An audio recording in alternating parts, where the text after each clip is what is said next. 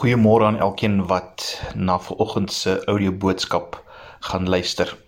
Dis alweer die 10de Januarie 2021 en uh, ons gaan weer voort met die boek Handelinge.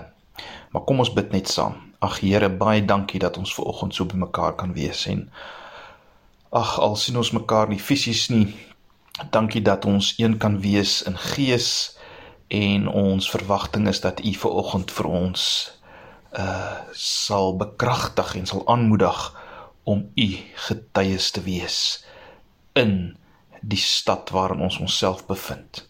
Ons vra dit in Jesus se naam. Amen.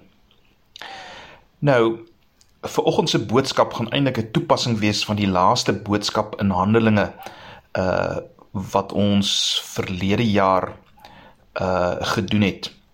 So ek gaan nie nou dadelik uh enige gedeelte lees nie. Die gedeelte in Handelinge 8 is ons agtergrond vir vir oggend se toepassing. So miskien kan julle maar weer daardie boodskap net gaan luister. Julle sal onthou ons het geëindig met die gedeelte van Filippus in Samaria en ook uh sy gesprek met die ontmande Ethiopiese hofdienaar, die hele gebeure daar. Maar goed, kom ek herinner julle net weer ook aan die groter prentjie. Uh ons het gesien dat Jesus in Handelinge 1 vers 8 beloof dat sy disippels sy getuies uh getuies sal wees as die Heilige Gees oor hulle kom en as hy hulle gaan bekragtig uh as die Heilige Gees hulle gaan bekragtig om hierdie getuies te wees. Nou die frase julle sal my getuies wees sal julle onthou kom uit Jesaja. Weer en weer word genoem dat Israel God se getuie was.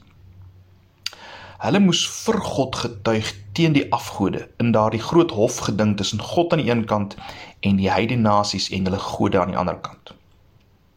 Ons moet natuurlik ook altyd onthou dat Israel die rol van Adam oorgeneem het.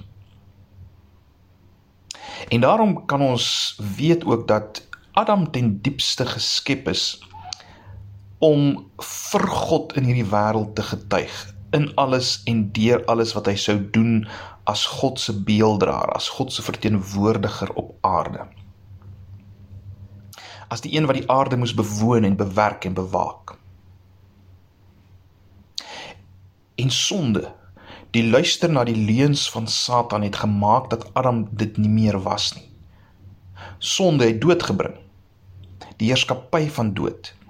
En dood weet ons uh uit Genesis 3 was 'n lewe wat nie meer om God gedraai het nie, 'n lewe van wegkruip vir God. Met ander woorde, as jy nie meer vir God getuig nie en kan getuig nie, dis dood. Sonde maak dat die mens ander gode begin aanbid en mag gee aan hierdie ander gode in plaas van om God te aanbid. Israel moes natuurlik hierdie situasie omkeer. Maar hulle sonde is ook ten diepste dat hulle wegdraai van God na afgode en dus nie meer God se getuies of getuie kon wees nie. En ons het dit gesien, hulle het blinde en dowe getuies geword. En dit is wat Jesus aan die kruis kom regstel het. Let wel, hy kom verlos nie mense van 'n kwaai God sodat hulle kan hemel toe gaan nie. Nee, hy self is God wat mens word en as koning deur sy dood die mag van Satan en die dood en die sonde as aktiewe mag verslaan. Ook die sonde wat jou 'n slaaf van afgode gemaak het. En hy doen dit deur self die dood te ondergaan. Maar hy staan op uit hierdie dood as oorwinnaar. As koning van die nuwe koninkryk en hy stuur sy gees sodat mense weer kan doen waarvoor hulle bedoel was en sodat God se nuwe aarde gevul kan wees met mense wat hom aanbid en vir hom getuig terwyl hy die aarde bewoon, bewerk en ontwikkel. Die aarde wat natuurlik totaal uh, vernuwe gaan word as die plek waar ons gaan regeer as onderdane van God. Nou, ons het gesien hoe hierdie dinge begin gebeur het in die boek Handelinge. En in ons laaste preek oor Handelinge 8 het uh, ons gesien hoe grense grense wat ontstaan het in die Ou Testamentiese tyd uh met betrekking tot wie deel is van God se mense en wie nie. Uh ons het gesien hoe hierdie grense met die evangelie, die boodskap van wie Jesus is en wat hy kom doen het, oorgesteek is deur mense wat getuig het vir hierdie Jesus teenoor die afgode rondom hulle. En in die laaste Sondag wat ons gekyk het na Handelinge, het ons gesien hoe Filippus uh die evangelie in Samaria verkondig het. Geweldige grens wat oorgesteek is, gaan luister maar weer daardie boodskap en hoe hy ook uiteindelik die evangelie aan 'n ontmande Ethiopiër, 'n man wat onder die ou bedeling op 'n dubbele manier uh nie kon deel wees van God se volk nie, hoe hy hom met die evangelie bereik het. En ek wil nou hê ons moet vir oggend weer hieroor nadink, maar nou uit 'n ander hoek. Wat ons veraloggend moet raak sien is hoe die Heilige Gees hierdie grense oorsteek en wat ons daaruit kan en moet leer vir die jaar 2021.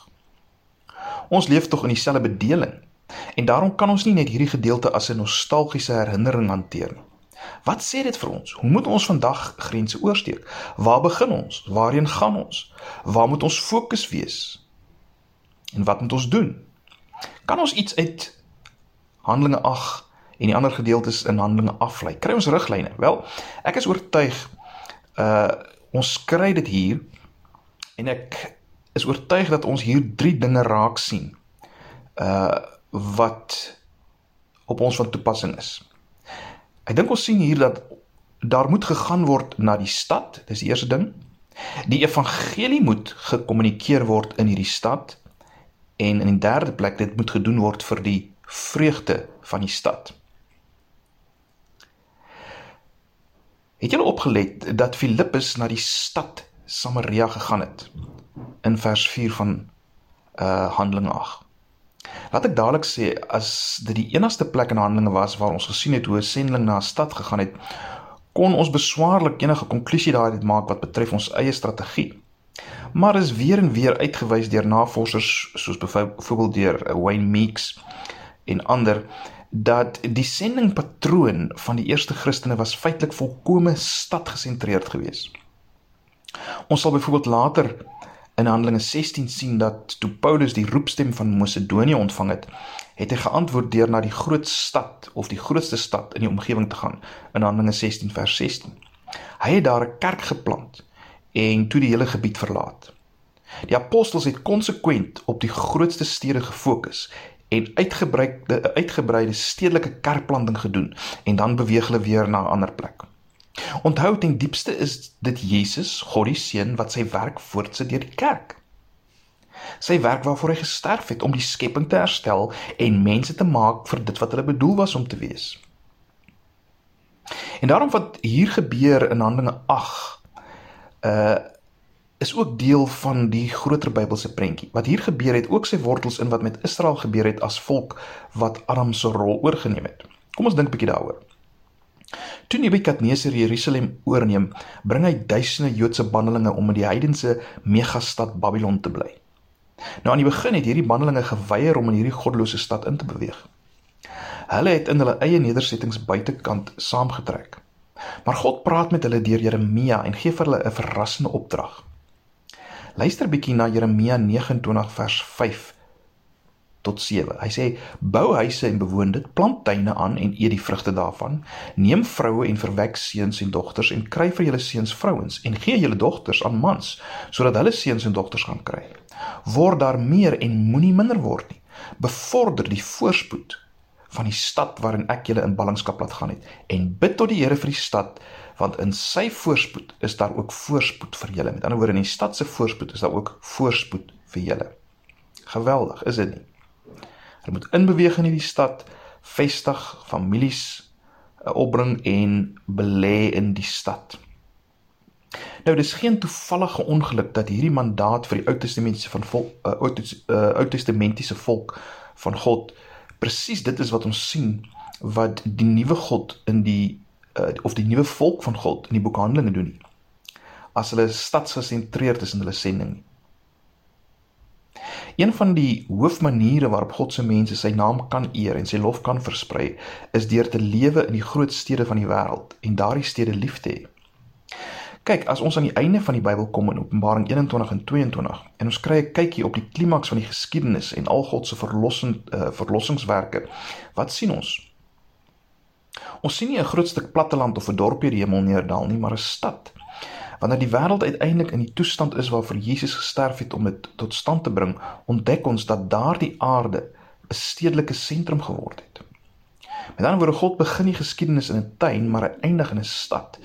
En in die middel van hierdie stad sien ons die boom van die lewe. Natuurlik natuurlik is hierdie stad eintlik uh die kerk self ook nou, sal nou weer iets daaroor sê. Maar goed, hoekom vind ons uh dit? Wel omdat dit die herstelde paradys is. God se toekomstige wêreld is stedelik Jy sien, wanneer ons kyk na die nuwe hemel en nuwe aarde soos voorgestel in Openbaring en Jesaja, sien ons die multietniese diversiteit, die bevolkingsdigtheid, die kulturele rykheid van stedelike lewe. Maar natuurlik gereinig van alle gebrokenheid van vandag se stede as gevolg uh wat wat natuurlik uh as gevolg van die verskriklike smetlike kanker sonde uh so lyk. Maar die punt is ons sien 'n stad, 'n digte, diverse plek. Maar goed, kom ons probeer die hele prentjie kry. Hoe het alles gekom tot op hierdie punt?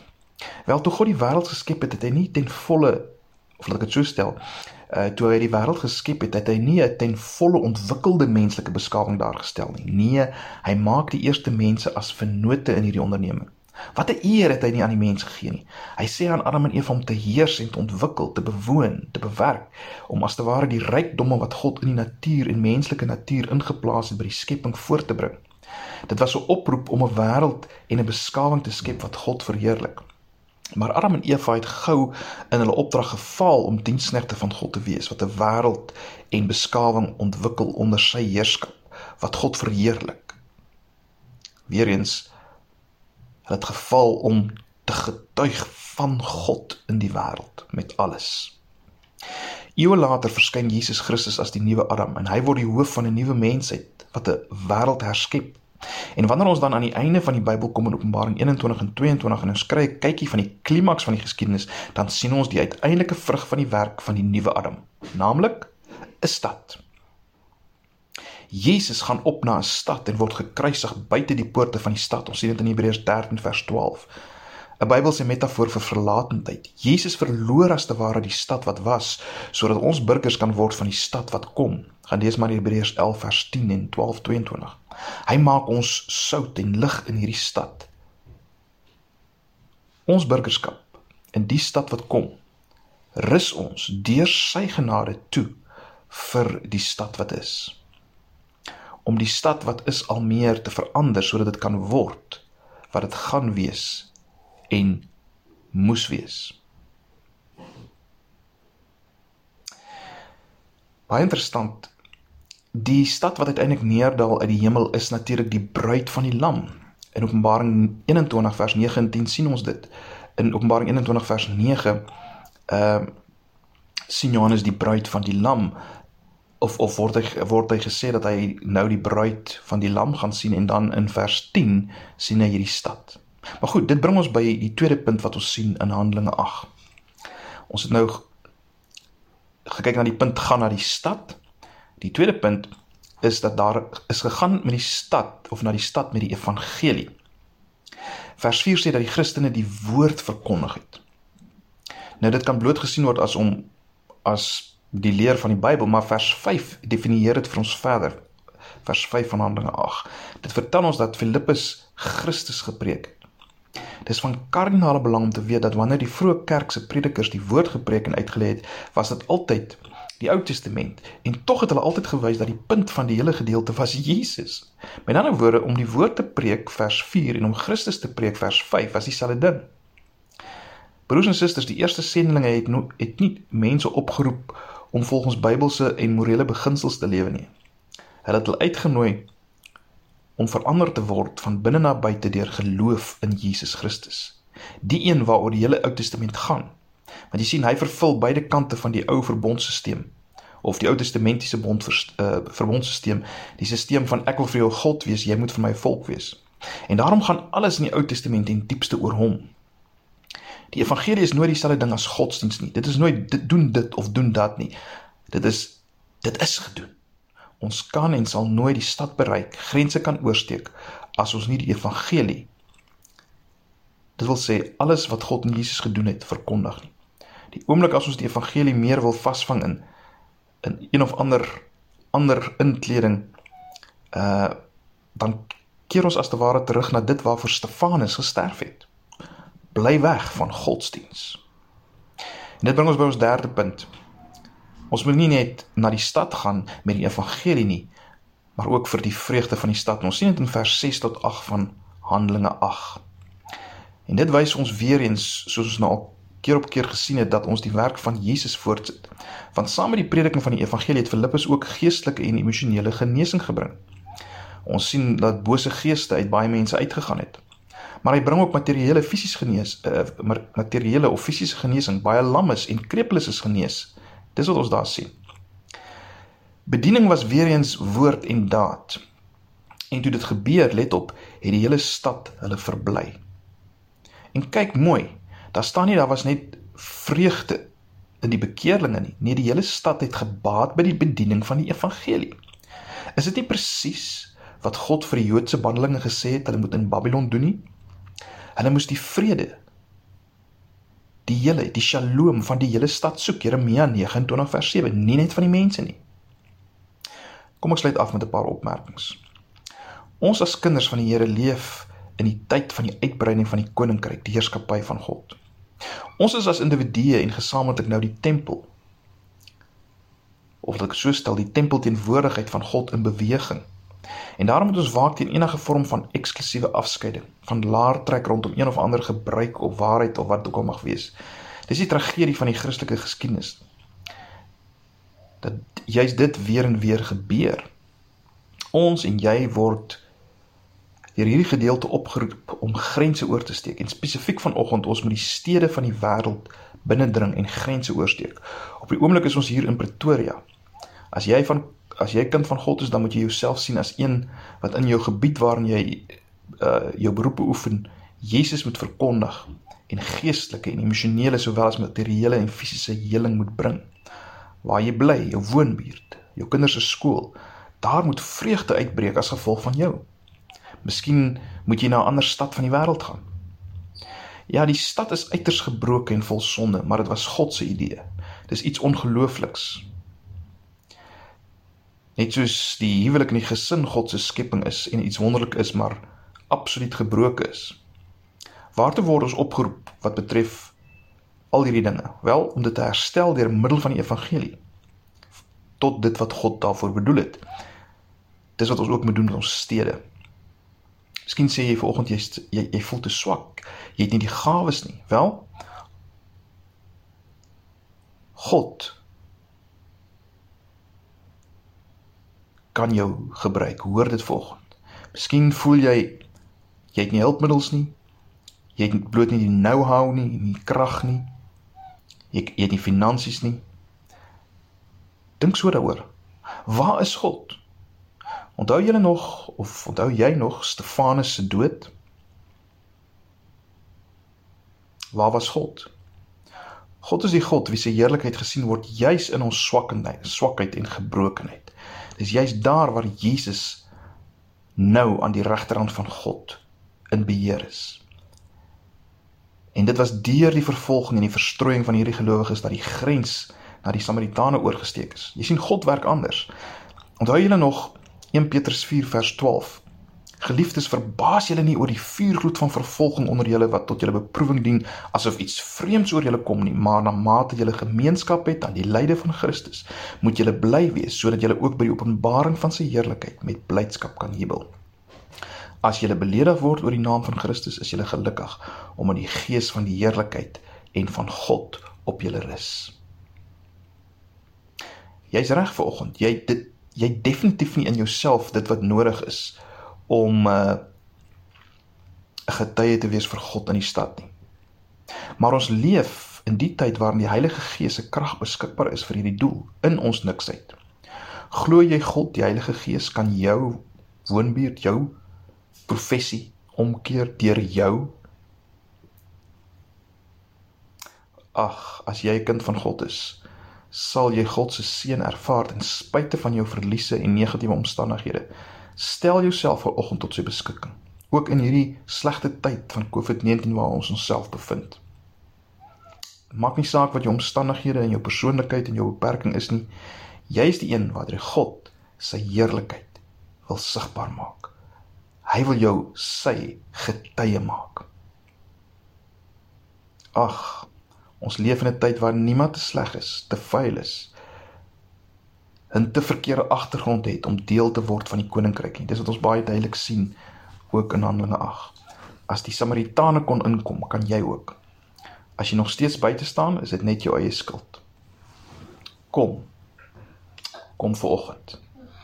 Kom ons bid saam. Ag Here, dankie vir u woord. Ons eer u daarvoor. Dankie vir wat ons hier sien.